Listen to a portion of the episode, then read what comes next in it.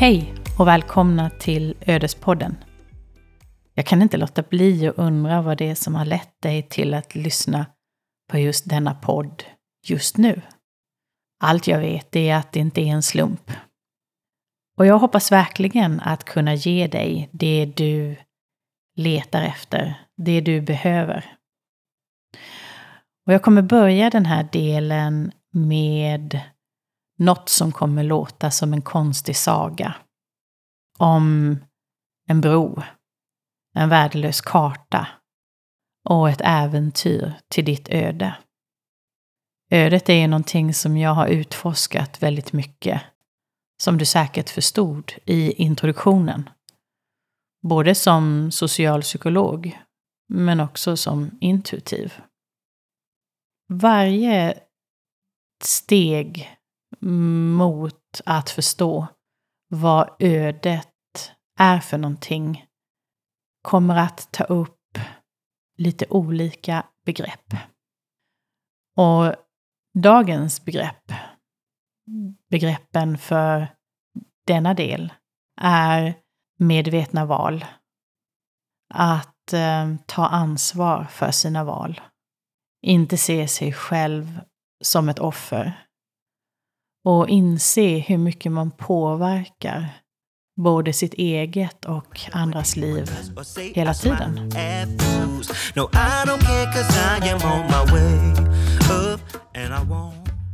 Humor. Jag tror att vi börjar där.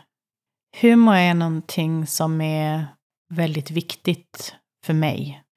Det är ett ganska bra verktyg att hantera sitt liv på när allting känns tungt, omöjligt nästan, stressigt och man hela tiden tyngs av en känsla av otillräcklighet. Det spelar ingen roll vad man säger eller vad man gör. Det blir fel ändå. Då är humor ett jättebra verktyg för att inte fastna där. Och någonting som jag använder mig väldigt mycket av genom hela podden. Så även om många av de beskrivningarna som jag gör går djupt så kommer jag nog att skämta mycket. Och humor, glädje, passion, kärlek. Det är väl sådant som beskriver mig på ett ganska bra sätt. Men också den här podden. Den här resan som vi ska göra tillsammans mot en bro. Den här bron eh, hittar inte alla människor till. Det är ingen eh, särskild bro. Det är inte så att det bara är ett fåtal som får hitta den. Det är meningen att vi alla ska hitta till den här bron. Men gör inte det. Den här bron um, leder inte till framgång och rikedomar. Det här är en bro över till ett annat medvetande. Det öppnar upp, när man har tagit sig över bron, för kunskaper, hemligheter och sånt som ligger nedärvt i vårt DNA och vår själ. En förståelse som vi inte kan få genom det vanliga informationsflödet. Det är någonting som man hittar inom sig själv. Men då måste man först göra den här resan. Um, en resa som man gör med en tom karta. En blank. Ett vitt blad. Där det inte står hur vi ska ta oss fram för att komma till bron. Vilken väg vi ska välja. Utan det finns bara ett kryss. Hit ska du. Om man får en känsla när man tittar på detta tomma vita blad med ett kryss högst upp. Att vägen dit är upp till mig. Och det är meningen att vi ska ta, di ta oss dit. Men hur vi kommer dit och när vi kommer dit, det är upp till oss själva. Och det är lite så ödet ser ut för mig. Det finns vissa platser, vissa tillfällen, vissa möten som det är meningen att de ska ske. Men när, var eller hur vi ska nå till dem, det är upp till oss själva. Och alla människor tar sig dit på sitt eget sätt. I sin egen takt. Och det är just det som gör det så unikt. Ett liv är så unikt därför att alla gör sina egna val. Det här är din resa. Det här är ditt liv. Vad du gör med det är helt upp till dig själv. Det baseras på vem du är och var du kommer ifrån.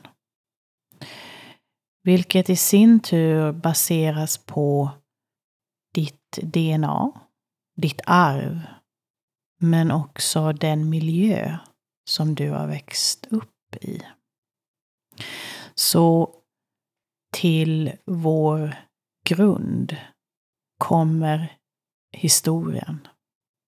Vår grund baseras på vad våra tidigare förfäder har lärt sig och har lärt oss, har fört vidare till oss. Sen är det en fråga om vad som påverkar oss mest. Arv eller miljö. Det pågår väldigt mycket diskussioner om det. Och för mig så är det väl lite som hönan eller ägget. Vem vet var det börjar? Men jag är säker på att båda är lika viktiga för att lägga stommen till den du är. Och vad du sedan bygger på den grunden, eller i den stommen, det är helt upp till de valen som du gör. Och på det sättet så är du lite mer än din historia. Lite mer än ditt förflutna. För varje val som du gör. Du kan välja någonting helt annat nu än vad du valde förut. Eller vad dina förfäder valde för någonting. Du ärver deras genetiska uppsättning. Men även den tror jag att man kan påverka genom sina val idag.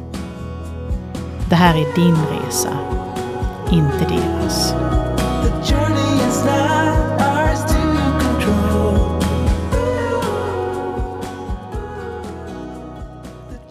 När det gäller dina val så är det något som du ansvarar för. Och det är så du väljer hur ditt liv ska se ut. För mig så är det därför ditt ansvar. Du och ingen annan ansvarar över ditt liv eftersom att du hela tiden har ett val. Det är inte lätt att ha det ansvaret. Det är inte det jag säger. Det jag säger är att det ger dig en möjlighet att vara någonting annat än en marionettdocka där någon annan drar i dina trådar och bestämmer över ditt öde. För det finns ingen som gör det. det är bara du. Vi kan alla befinna oss i olika omständigheter, olika situationer som gör att vårt liv kan vara svårare eller lättare än andras. Men det är i alla fall utifrån den situationen som man befinner sig i som man gör sina val. Man gör det man kan för att leva det liv man vill leva och vara den personen man är. Istället för att känna sig som ett offer. Som att det inte finns någonting man kan göra. Som att din situation redan var förutbestämd och att det är någon annan som drar i dina trådar. Som om du var någons marionettdocka. Men om du vill göra det bästa av din situation, om du vill förändra någonting i din situation, så tar du dig an det ansvaret som en gåva. Inte en skuld eller en börda där du känner åh, måste jag hela tiden ta ansvar för allt? Ja, det måste du. För allt i ditt liv. Inte i alla andras. Faktum är att om vi kunde sluta lägga ner så mycket tid och energi på att fundera på vad andra gör eller säger så skulle vi ha mycket mer energi till att ta hand om vårt eget. När vi möter en idiot, då kan vi byta sida. Vi behöver inte konfronteras med den idioten om vi inte väljer det. Därför så är det ingen idé att bråka så mycket med andra om varför de gör eller säger som de säger. För det är inte ditt ansvar. Nu kanske ni tänker att den där personen som jag lever med, den måste jag ju få säga om den säger något dumt eller beter sig dumt. Och absolut, gör det. Men lika fullt så är din sambos, make, makas, pojk eller flickväns beteende inte ditt ansvar. Du kan säga din sanning, men vad de sen gör med den är helt utanför din kontroll.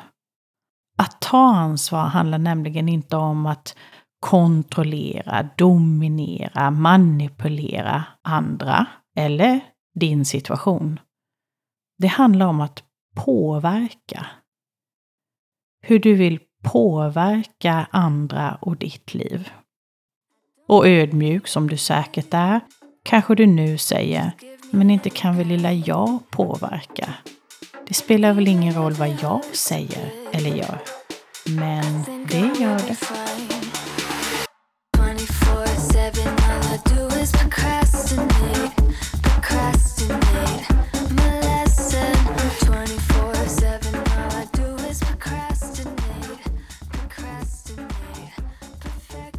Alla dina val påverkar andra hela tiden.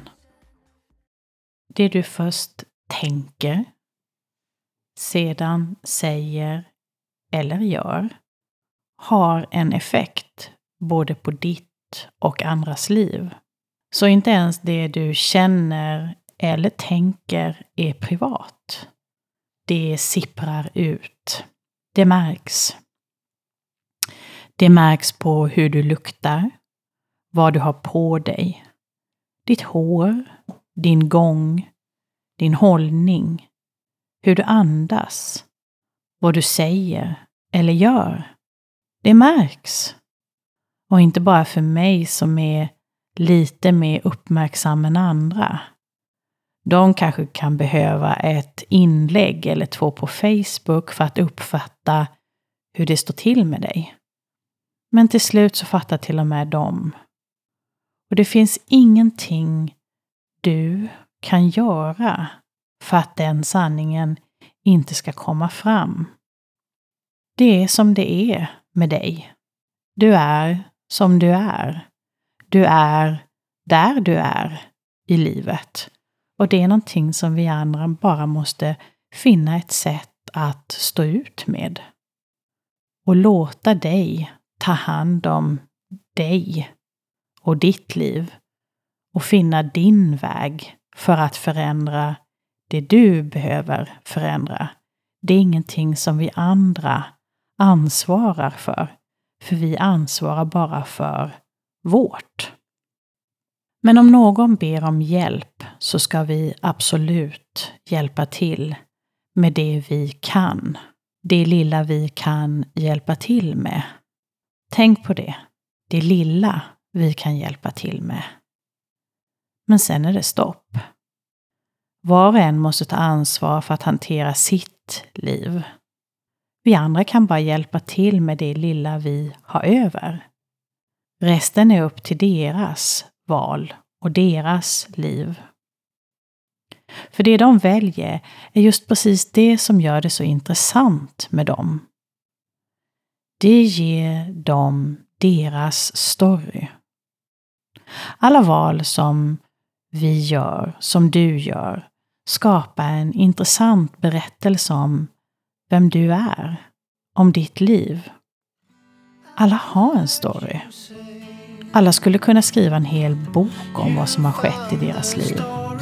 Och vissas bok skulle bli tjockare än andras, men andra skulle kunna beskriva en massa om först hände det här i mitt liv, och sen hände det här i mitt liv, och nu är jag här. Som exempelvis, så här ser min story ut. Far away from the glory In the midst of our day-to-day routine In the corner of our minds We're not in blue Jag föddes i Kalmar. Jag eh, blev tidigt skilsmässobarn. Jag växte upp till största delen ensam med min mamma och min syster. Ensamheten innebär svårigheter att ta hand om barn och ett liv själv. En av de sakerna som fattas är ork och energi.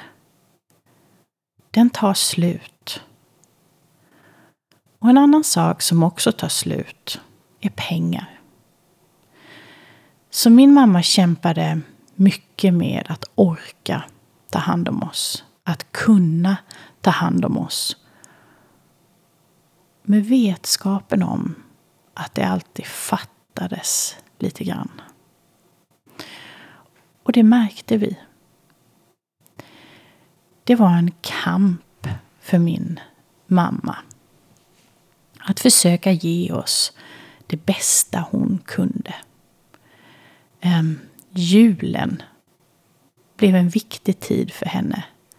När hon verkligen gav oss allt. Men det fanns givetvis andra stunder där vi eh, fick det lilla som hon kunde ge. Och var väldigt nöjda med det. En av de sakerna som jag fick var utrymme att vara mig själv. För jag var verkligen annorlunda redan från start. Man skulle kunna säga att min mamma fick en alldeles egen liten Pippi Långstrump. En liten stark tjej som klarade sig själv, som inte ville ha en massa förmaningar om vad som var rätt och vad som var fel. Utan som ville klura ut det själv. Som ville tidigt höra sin egen röst, sin egen rytm. Och min mamma, och kanske tack vare att det inte fanns någon pappa, fick jag den möjligheten. Så tidigt tog jag hand om mig själv. Tidigt tog jag hand om min syster som tyvärr led av en solallergi väldigt tidigt och som gjorde det svårt för henne att vara ute, att vara social, att orka sånt som barn vanligtvis brukar orka. Och vi kämpade väldigt mycket med att hon skulle må bra. När jag verkligen hade roligt när jag växte upp, då var jag med mina kompisar. Och jag hade väldigt lätt för att skaffa kompisar. Redan tidigt så märktes mina talanger för att se och förstå människor. Och i och med att jag såg dem och förstod dem så tyckte jag om de flesta. Det fanns en och annan som kom i min väg som var mörk. Men det var precis som att min egen styrka och mitt eget ljus skyddade mig ifrån dem också. Men det var intressant att träffa dem. Intressant att så tidigt få ta del av så många människors livsöden. För det gav mig en förståelse om att vi alla är olika. Jag valde att ta reda på mer om det här och plugga vidare på Uppsala universitet till socialpsykolog. Jag var den första i min släkt som hade möjlighet att göra det. Och för det så kommer jag alltid vara tacksam för allt de har gjort i sitt liv. För allt som de har kämpat med för att jag skulle kunna göra den resan. På Uppsala så hade jag lite svårt. Jag har ganska lätt för att lära, men det var mycket som var logiskt som tillhörde den vänstra hjärnhalvan. Och jag förstod inte alltid alla begrepp. Men jag gjorde så gott jag kunde. Och jag tog mig igenom min utbildning på ett ganska roligt, lärorikt och lättsamt sätt. Därefter så valde jag att starta mitt eget företag som relationsrådgivare. Jag var bara 22 år gammal. Och även om de flesta sa att det inte skulle gå. Man inte kan starta ett företag och få det att fungera med en gång. Utan att det var viktigt att jag försökte skaffa ett jobb och en inkomst. Så valde jag ändå att göra det helhjärtat. Och jag fick både klienter men också föreläsningsuppdrag väldigt snabbt och tidigt. Det gick väldigt lätt för mig att vara rådgivare. Det föll sig liksom naturligt. När jag sedan var 25 så fick jag mitt första barn, Karl. Och där skulle väl kanske egentligen min karriär ha stannat upp. Men det gjorde den inte. Jag fortsatte att föreläsa vidare och rådgiva vidare fast att Karl fanns och mycket tack vare min syster som valde att komma och bo hos oss och hjälpa till med Karl under tiden som jag var ute på föreläsningar och hade klienter. Det var eh, det var att eh, verkligen spänna bågen och vara så ung. Och så tidigt gå ut med massa kloka råd till andra. Men jag lärde mig jättemycket. Och tänkte att nu skulle nog livet vara så här.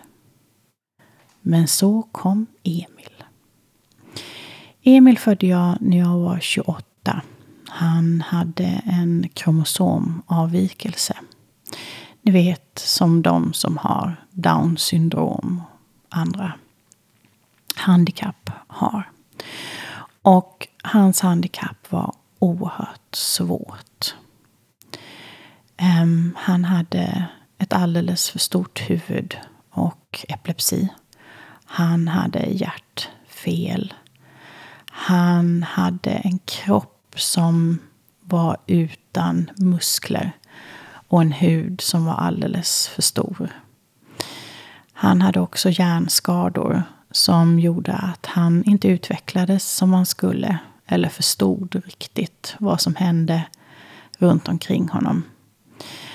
Han hade ofta infektioner, blev väldigt sjuk väldigt tidigt och hade svårt, tack vare den bristande muskelmassan, att hantera sitt slem. Och när vi försökte att Emil skulle amma, äta själv, så märkte man väldigt tidigt att han inte klarade det. Under lång tid var vi på sjukhuset och Emil eh, svävade mellan liv och död. Och här fick jag verkligen lära mig att jag inte kan kontrollera allt. Att livet inte alltid flyter på och är enkelt. Att en sån självklarhet som att föda ett friskt barn inte är för alla. Inte för mig i alla fall. Och varje dag så kämpade jag med en känsla av otillräcklighet. Emil levde i två och ett halvt år och jag kommer att beskriva hans och min kamp lite längre fram. Men när Emil var ett och ett halvt år så föddes Johanna. Har ingen aning om hur det gick till. Förstår inte ens att jag kunde bli gravid i ett så kaotiskt liv som jag levde då. Men Johanna kom och graviditeten gick bra fast att jag kämpade så hårt med Emils liv natt och dag så växte hon och mådde bra. Och till slut så kom en frisk liten dotter fram. Och mitt liv fick en ny start. Hon räddade mig. Och det var dags för mig att gå framåt igen. Att vilja njuta av livet. Vi tog hem Emil. Vi tog hem Johanna och Emil ungefär samtidigt. Och vi kämpade verkligen natt och dag med att ha tre barn. Min dåvarande man studerade till civilingenjör. Och jag hade fortfarande mitt egna företag. Och hur vi fick allting att gå runt, det kan inte jag förstå än idag. Men det tog väldigt mycket på våra krafter. Och det tog väldigt mycket på vår relation. Emil gick bort. Han, eh, han orkade inte mer när han hade funnits hos oss i ungefär två och ett halvt år, 2003. Och vi valde att separera kort efter hans bortgång. Och jag valde att flytta tillbaka till Kalmar igen. Där hittade jag min nuvarande man. En man som jag har känt länge. Men det var inte förrän jag kom hem igen som jag förstod efter att verkligen ha insett saker. Mycket tack vare Emil. Att det här var mannen som jag alltid hade letat efter. Så vi startade vårt liv tillsammans. Vi startade ett entreprenadföretag. Och kort därefter så fick vi en dotter, Emma. Vi har nu under många år kämpat med detta bolag och att ha Emma och Johanna här hos oss. Medan Karl har växt upp i Uppsala tillsammans med sin pappa. Det har blivit många resor fram och tillbaka. Och det har varit väldigt mycket kämpande för att få ett företag att överleva och att blomstra. Men där är vi nu. Och det är min story. Min story berättar inte jag för att få uppmärksamhet utav er. Eller någon form av sympati. Jag vet att andra människor använder sin story som en slags social handelsvara. Du får min story mot att jag får din. Och så får jag lite uppmärksamhet och lite förståelse samtidigt. Men det är inte det som jag finner så intressant med människors stories. Det är den röda tråden som jag tycker är så spännande. Det finns människor, det finns situationer som återkommer när man verkligen lyssnar. Som om ödet upprepar sig om och om igen.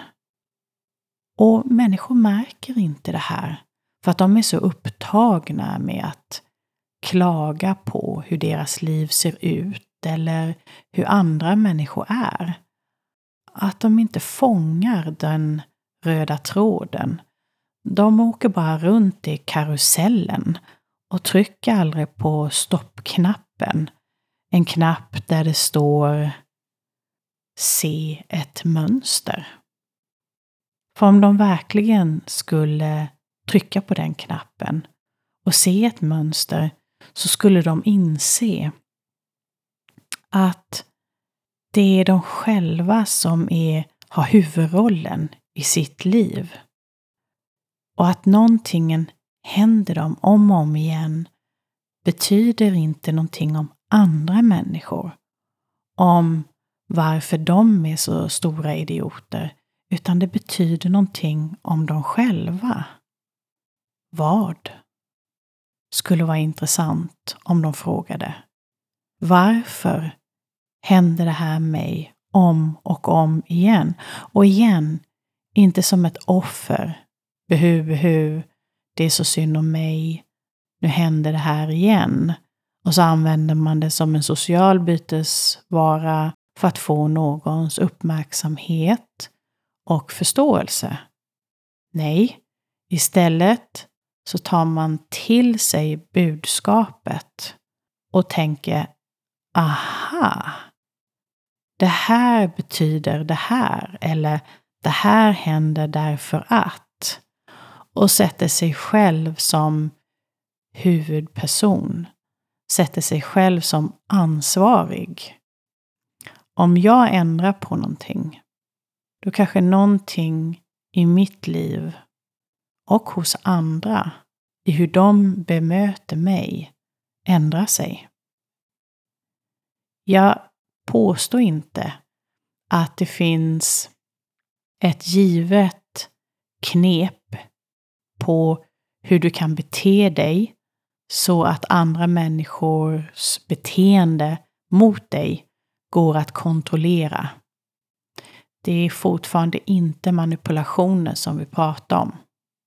Vi pratar fortfarande bara om att påverka. Om du ändrar dig, om du säger någonting annat eller om du gör någonting annat som först startar med att du tänker någonting annat, att du känner någonting annat, så vet jag att du påverkar på ett annat sätt. Och istället för att ta emot någons kritik eller åsikt som ett, eh, ett straff. Någonting som du bara vill ge igen på. Någonting som kanske gör ont att de säger. Det är svårt att höra. Så kanske du ska fundera lite på det. Det är totalt ointressant vad de personligen tycker och tänker. Vad de har för några åsikter därför att det är baserat på vem de är, var de kommer ifrån och vad de gör för tolkningar. Det är inte det du ska fånga. Men om det de säger har ett budskap till dig, om du kanske tar den pusselbiten och lägger ihop med en annan pusselbit som du har fått vid ett annat tillfälle, så kanske du kan få fram ett mönster. En förståelse kring vem du är och vad du ska och vad du behöver göra för att ditt liv ska bli så bra som möjligt. Så det jag säger är Don't shoot the messenger. I alla fall inte utan att du först har tagit till dig budskapet. Det är väldigt svårt att göra. När någon kommer med något som är svårt att lyssna på, då skjuter vi det gärna åt sidan. Men vi kommer i nästa podd att närma oss någonting som heter biblioteket. Och där tänkte jag att jag ska beskriva för dig hur man går tillväga för att finna sina svar och för att få ut någonting av de budskap som kommer till en. Så tack så mycket för att du har lyssnat idag. Och välkommen åter.